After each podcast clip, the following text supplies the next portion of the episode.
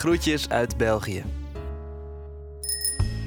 De derdejaars radiostudenten van het Rits in Brussel legden hun oor te luisteren bij enkele markante Nederlanders die in België wonen. Dat leverde een reeks intrigerende portretten op. In deze aflevering neemt Marie Neefs ons mee langs de pieken en dalen in het leven van Romy. Dit is Groetjes uit België, aflevering 4.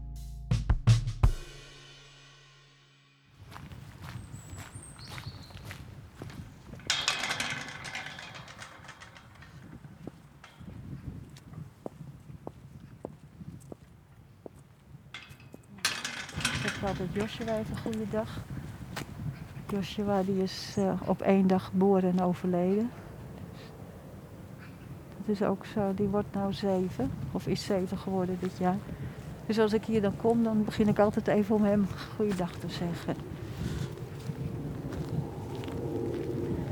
En dan woont hier eh, de zoon van onze garageman. En eh, die heeft dus een ongeluk gehad, een auto-ongeluk. Dus dan is het ook altijd Nick eventjes uh, goeiedag zeggen. En dan kan jij wel zien waar Peter ligt, waar mijn man ligt. Ja. Ja, hè? We zijn op de begraafplaats van Overijse. Ja. Hier ligt Romy's man Peter al zo'n elf jaar begraven. Met een zelfgemaakte grafsteen in de vorm van een boomstam steekt Peters graf uit boven de andere doorsneegraven. Eh, hij zei dus van, eh, ik wil niet zo'n marmeren steen, Zet- geef mij maar een boom. Maar dat mocht dus niet, er mocht geen boom op het kerkhof. En toen heb ik dus zelf een beetje een gestileerde stam gemaakt. En eh, in het eerste jaar weet ik wel eh, dat we hier naartoe gingen. Toen mijn zoon dan ontdekt had dat hij hier zou mogen begraven worden. En eh, toen lag er op een gegeven moment sneeuw. En toen dacht ik, oh, wat zou dit een mooi plekje zijn. Als hij hier zou mogen begraven worden, want ons huis ligt daar. Dus toen dacht ik, als hij daar komt te liggen, dan ligt hij met zijn rug naar ons toe. Gewoon van, weet je. Maar toen dacht ik, als hij aan deze kant zou komen liggen, dan, dan, dan ja, wij daar, dus dan is het open, open verbinding.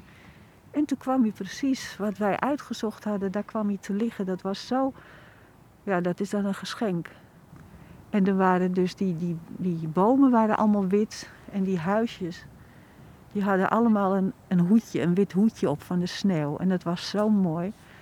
En ik weet nog wel dat mijn zoon toen zei van mam, dat is precies een plekje voor papa. Een mooi rustig plekje.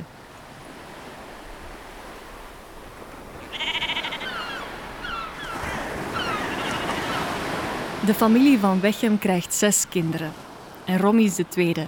Na haar volgen er dus nog vier en is de drukte compleet. Ze komen niet allemaal tegelijk, het is geen zesling hè. Romy groeit op op Texel, een toen nog ongerept Nederlands waddeneiland. Nou ja, op Texel woonde ik in de hoofdplaats. Dat vonden we altijd al heel spannend.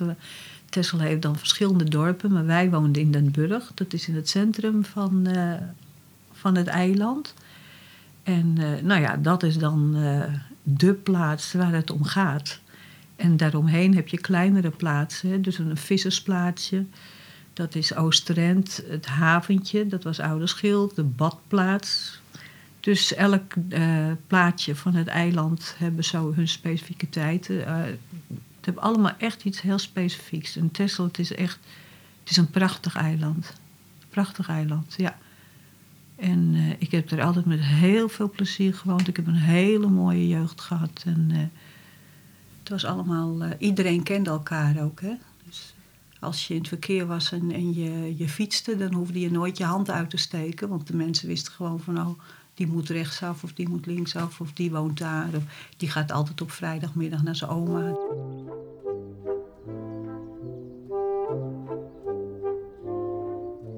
Hier zit brood in, kan je zelf snijden. Kaas pakken. Goudse kaas, dit is komijnenkaas. Ik weet niet of je daarvan houdt. Is boerenkaas. Dat is de. Die middag bij Romy thuis word ik meteen overladen met Nederlandse gastvrijheid.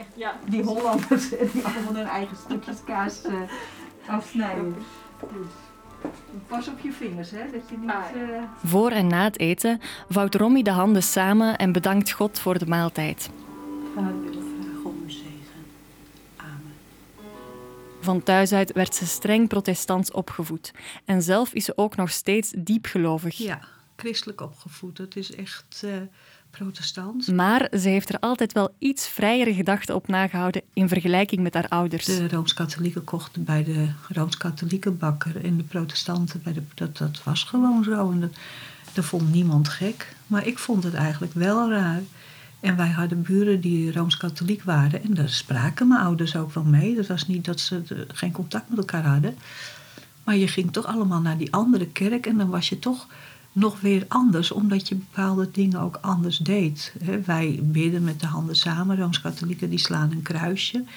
Uh, als protestanten. Dat was anders. De katholieken mochten dat vaak wel. Katholieke vrienden. Maar protestanten die gaan niet naar het café. Want de café dat is... Uh, de plaats des verderfs, zeiden ze nou altijd, weet je wel. Maar op een dag vraagt een vriend aan haar of ze toch niet meegaat naar het café. Toen dacht ik, nou ja, wat kan er nou slecht aan zijn, weet je? Ik dacht zo van...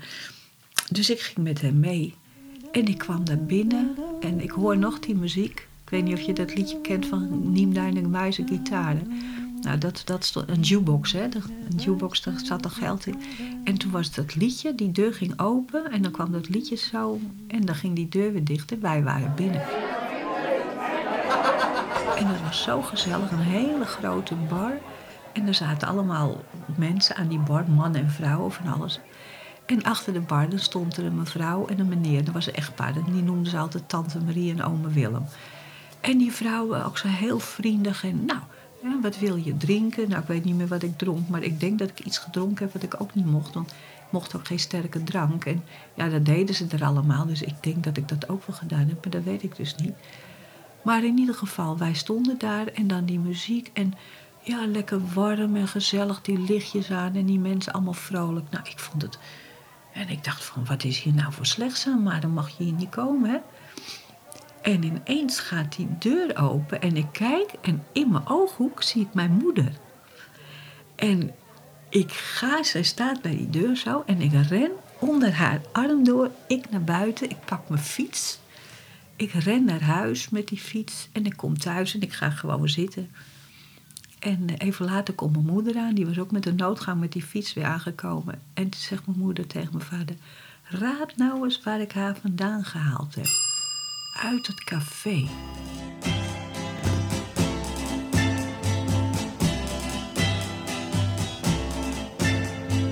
Nimm deine weiße Gitarre.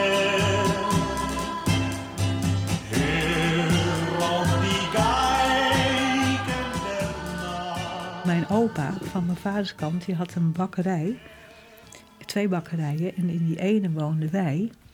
Maar toen zijn mijn opa en oma gescheiden en toen moesten wij uit die bakkerij. En dat was toen heel erg, want toen werd mijn vader gewoon uh, op straat gezet door zijn vader met zijn gezin, drie kleine kinderen. En toen hebben we een tijd mijn vader met, zijn, met mijn oudste zusje bij zijn moeder. En ik met mijn moeder, met nog een kleiner zusje, bij haar vader en moeder. Hebben we gewoon de hele tijd apart gewoond door al die toestanden. Nou kijk, en dat was ons uitje op zondag. Hè? Dat was het bos, de dennen, want het waren allemaal dennenbomen. Rommy's opa is bakker. En ook haar vader volgt in die familietraditie. Romy herinnert zich haar vader als een vrolijk en goed man. Mijn vader was zo'n vrolijk mens en die stond altijd voor iedereen klaar. Niet alleen voor zijn gezin, maar echt voor iedereen. En hij was ook heel attent. En, en, als hij bijvoorbeeld in een krant las van... Uh, mijn vader die was zelf ook een verwoed orgelliefhebber. En dan las hij bijvoorbeeld dat een organist van een kerk aan de andere kant van Nederland. En die man was al 50 jaar organist. Nou, dan zocht hij een mooie kaart uit en dan schreef hij een kaart om die man te feliciteren. En dan stuurde hij een kaart. Dat soort dingen. Op een ochtend in november stapt Rommy's vader naar buiten. De dauw hangt nog op de grasprietjes. Het is koud. Hij gaat naar de plas achter in hun tuin. Tenen raken het koude water. Dan voeten, kuiten, knieën. Hij laat zich glijden. Meedrijven met het water. En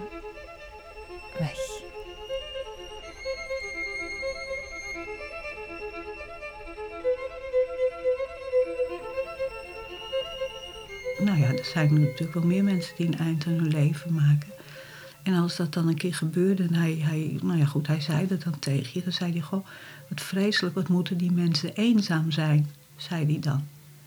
En toen dat met hem gebeurde, toen was het eerst dat ik dacht van nou pap, ben je nou eenzaam geweest? Hoe kan dat nou? Want ja, je hebt kinderen, kleinkinderen, een vrouw die allemaal van je houden. Mensen, vrienden, heel veel vrienden, mensen van de kerk. Ik snapte het niet. Maar dan zei mijn moeder ook, als je nou s morgens gewoon dood in bed gelegen had, ja, dan vind je het ook erg. Maar dit is anders, hè.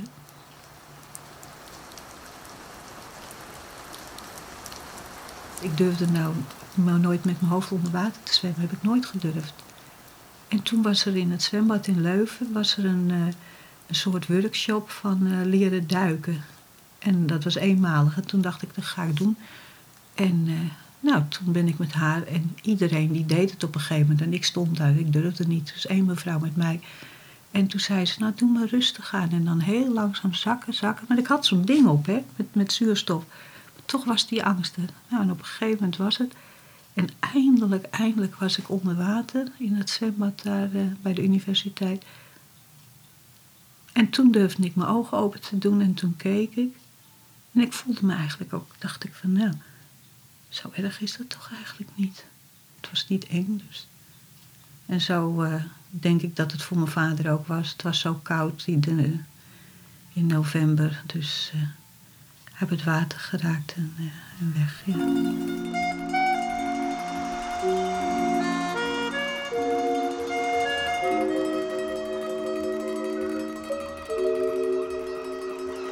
Ik ben dus later heb ik verkering gekregen met een uh, man die uh, dus niet uh, christelijk opgevoed was. En toen zeiden mijn ouders ook van ja, nou dat wordt wel heel moeilijk, dus je kan het beter maar uitmaken. Maar goed, dat heb ik niet gedaan, dus we zijn uiteindelijk toch getrouwd. Die man, Peter, leert ze kennen in Amsterdam. Want op haar 23e ruilde Romy haar eiland en haar dorp in voor de grote stad. Die grote stad, daar moest ik wezen. Daar moest het gebeuren.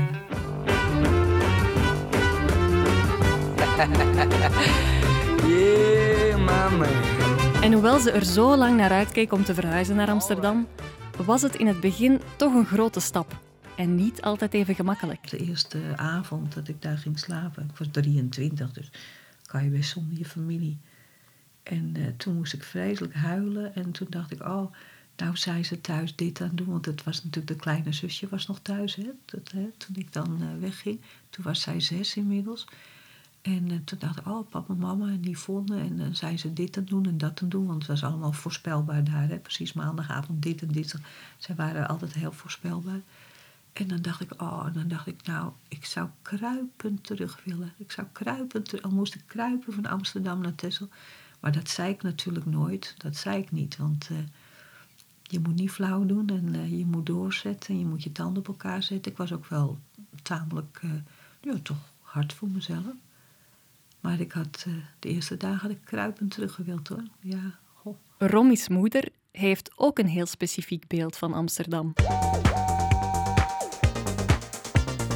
Mijn moeder had van Amsterdam het idee dat zijn allemaal vrouwen met lange haren, met vuurrode lippen, met een sigaret in hun mond, weet je, en hele slordige huizen en onaardige mensen. Dat idee had zij van Amsterdam. Maar dat beeld verandert wanneer ze er dan eens op bezoek gaat. En dan komt ze daar bij mensen in huis die gewoon heel aardig zijn, heel netjes zijn. En eigenlijk gewoon mensen zoals wij. Dus ik denk dat ik, ik had het niet zo extreem van met, met die grote oorbellen. En ja, mijn moeder had een beetje het idee van zigeuners of ik weet het niet hoor. Maar ja, goed, zigeuners, dat heb ik ook. Dat zijn ook gewone mensen, al wonen ze in een woonwagen. Hè. Romy werkt voor Vettewinkel. Later werd dat Sigma Coatings, een verfbedrijf. En daar, in het laboratorium, leert ze haar man Peter kennen. Ja, hij, uh, ze hadden dus uh, met nog een andere collega van hem, die uh, in de stokerij, dus dan was hier de fabriek en dan was het kantoor en daar was de stokerij waar dan die verf allemaal gestookt worden.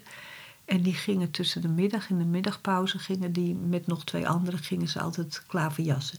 Dus dan aten ze in zo'n zaaltje, zo'n zo kantoortje, aten ze hun boterham en dan uh, gingen ze een potje klaverjassen. Maar op een gegeven moment ging die, een, die vierde, die ging dus weg. En toen vroegen ze aan mij van, eh, zou jij eh, met ons tussen de middag willen klaverjassen? Maar ja, ik kon niet, want dat mochten wij ook niet. Protestanten mogen ook niet kaarten, want dat is ook uh, dat is, slecht. Dus toen zei ik, ja, ik zou het wel willen. Want ik dacht, ja, dat mag ik natuurlijk wel. Dat is natuurlijk onzin dat het niet mag. Maar ik zeg, ik, ik kan het niet. Ik heb het nooit geleerd. Nou, dat geeft niet, dan leren we het wel. En dan waren die twee collega's zo. En dan die andere, wat dan laat mijn man, hij, die moest dan met mij. Nou goed, en dan moest hij me uitleggen hoe het ging. Want wij moesten dan samen kaarten. En uh, ja, zo is het uh, gekomen.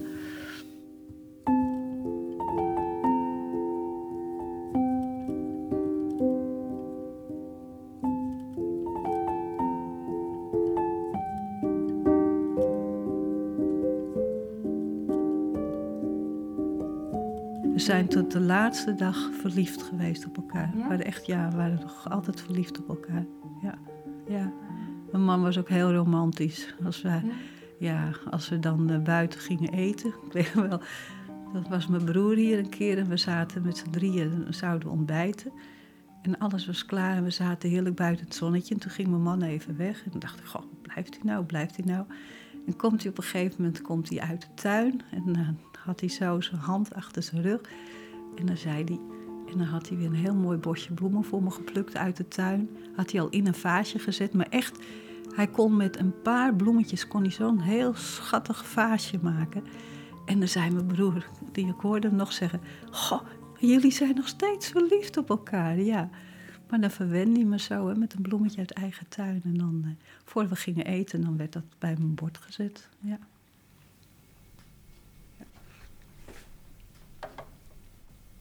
Hij was ook die tijd dat hij zo ziek was. En dan zat hij daar. Toen stond die bank daar. En dan dat lampje wat nu daar boven de kleinkinderen hangt, dat brandde dan. En dan zat hij op de bank en dan was het, zei ik ook altijd tegen de jongens, tegen onze zoons, van, het is net of papa helemaal een stralenkrans op heeft. Hè, zo. En dan keek hij op en dan lachte hij zo lief, maar hij had een bepaalde sereniteit over zich. Hè heel sereen en heel rustig. Maar als we ergens waren, hij, hij, ja, hij, hij kon ook meedoen. Hij was heel vrolijk. En we hebben dus heel veel altijd gezongen met elkaar. Hè. De, de jongens uh, muziek maken en mijn gitaar en met mijn zus. En dan zaten we hier met de hele club.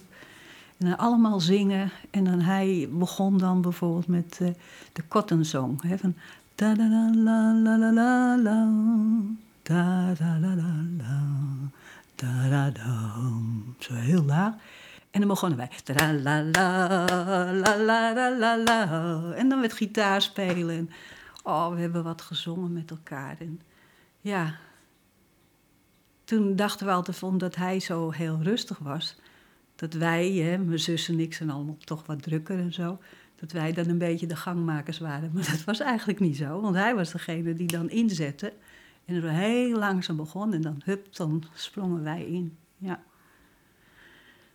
Ja, we hebben heel veel. Uh, we hebben allemaal ontzettend veel ja, met hem genoten. En dat zeggen ze ook in de familie allemaal. Ze hebben ook allemaal heel veel van hem genoten, maar ontzettend veel van hem gehouden. Mijn moeder ook. Het is als een eigen zoon, zei ze altijd.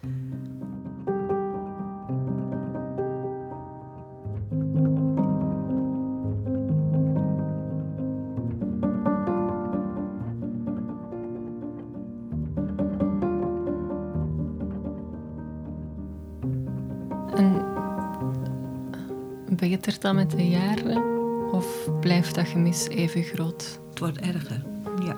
Het gemis wordt erger. En uh, dat, kijk, dat is gewoon een beetje ja, hoe ik dan in elkaar zit. Dan denk ik van, uh, ben ik nou zo'n uitzondering? Want in het begin, weet je wel, dan is het allemaal nog onwerkelijk. Je wil er niet aan. Maar je moet, je moet naar de notaris en je moet van alles regelen. Je hebt zo de banken. Ik bedoel, alles staat op zijn of op ons gezamenlijke, maar dat moet allemaal op jouw naam. Je krijgt problemen met allerlei dingen wat niet goed gaat, omdat het dan niet op de goede naam staat. Dus je hebt heel veel administratieve rompslomp. Je hebt gewoon ja, bedankkaartjes, mensen die komen. Je krijgt heel veel bezoek. Maar na een tijdje wordt het minder. Ja, het leven van iedereen gaat door, hè? dat snap je ook wel. Maar je krijgt niet zoveel aanloop meer en andere mensen hebben ook hun eigen dingen. En dan merk je ineens van, uh, ja, het is toch, uh, toch anders. Je komt thuis, het huis is leeg, het huis is donker. Je hebt wat meegemaakt en je kan het aan niemand vertellen, want je bent alleen. Dus dat zijn allemaal van die dingen, dat, uh, ja, dat wordt anders. En ik kan me heel goed zelf redden en, en ik, ik voel me ook helemaal niet zielig. Maar ik, ik voel me wel, uh, ik voel me ook niet eenzaam, ik ben beslist niet eenzaam. Maar je, ja, je mist, je mist hem zo vreselijk. En dat gemis wordt steeds erger. Ik vind het leven niet moeilijk. Ik sta elk, en dat heb ik vanaf het begin, dat, dat snap ik zelf ook niet, maar dat is zo. Vanaf de dag dat hij overleden is, het was elke morgen als ik opstond, was ik blij met die nieuwe dag. Ik kon danken voor die nieuwe dag. En ik vond het ook een mooie dag. En ik maakte er ook altijd een mooie dag van. En achteraf vond ik het ook een fijne dag.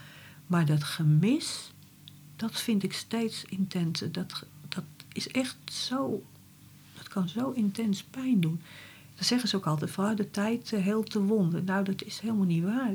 De wonden wel van, van, van het overlijden, maar niet het gemis. Het gemis is wat anders je moet niet als je dat overkomt dat mensen je gaan zeggen van ja, maar met een paar jaar wordt het wel minder. Hè, dat tijd, dat is niet waar. Ik heb nog nooit iemand ben ik tegengekomen die zegt van nou, maar het, het, het, is wat anders. Kijk, dan denken ze van als ik zeg van ik mis hem zo erg, dat ze denken van dat ik een vreselijk leven heb. Dat is helemaal niet waar. Ik heb een heerlijk leven. Ik geniet van het leven. Ik geniet van mijn kinderen, van mijn kleinkinderen, vrienden, familie, van mijn tuin, van alle vrijwilligerswerk wat ik doe. Ik geniet elke dag. Maar die man, die mis ik. En die mis ik steeds meer.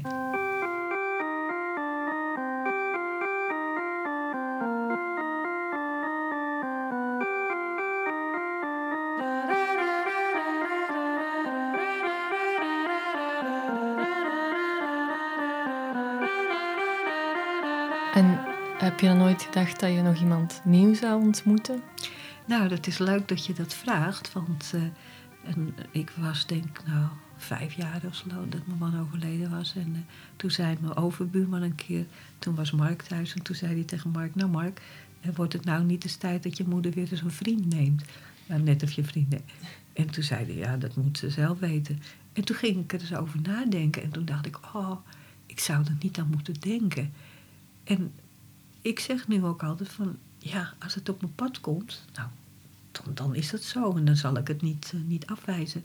Maar ik, ik, er is gewoon op het ogenblik, ik ben nog zo intens met Peter verbonden. Ik ben nog zo intens met mijn man verbonden. Op een hele, ja, als ik naar ze, want in het begin was Mark ook, uh, dan zei hij, goh mam, dan ging ik er elke, ik denk dat ik wel zeven jaar lang, elke dag naartoe ging, wel twee keer op een dag. S'avonds na het eten ging ik op de fiets, ging een kaarsje aansteken, bloemetjes neerzetten. En soms morgens om zeven, als het mooi weer is, hè, zo morgens om zeven uur. En ik kom daar tot rust. Hè. Het is voor mij gewoon heel fijn. Ik praat met hem, ik kom tot rust, ik kijk gewoon om me heen. En ik verzorg alles. En als je daar weggaat in het donker en je hebt allemaal kaarsjes aangestoken. Oh, dat, dat is zo er is zo'n warmte dan. En dan voel ik me zo dichtbij. En dan denk ik ook van, hij is zo dichtbij, maar er is gewoon helemaal nog geen plaats voor een ander.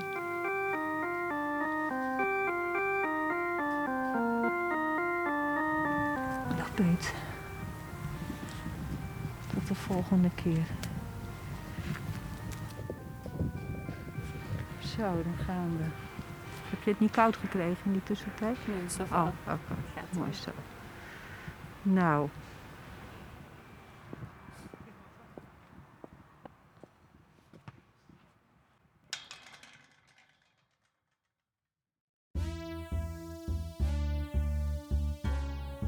Je luisterde naar Romy. De vierde aflevering van Groetjes uit België. Een samenwerking tussen het Rits en Vlaams-Nederlands Huis De Buren. In aflevering 5 vertelt Manu van Akker het bijzondere verhaal van schrijver Oscar van den Boogaard. Te beluisteren in je favoriete podcast-app en op www.deburen.eu.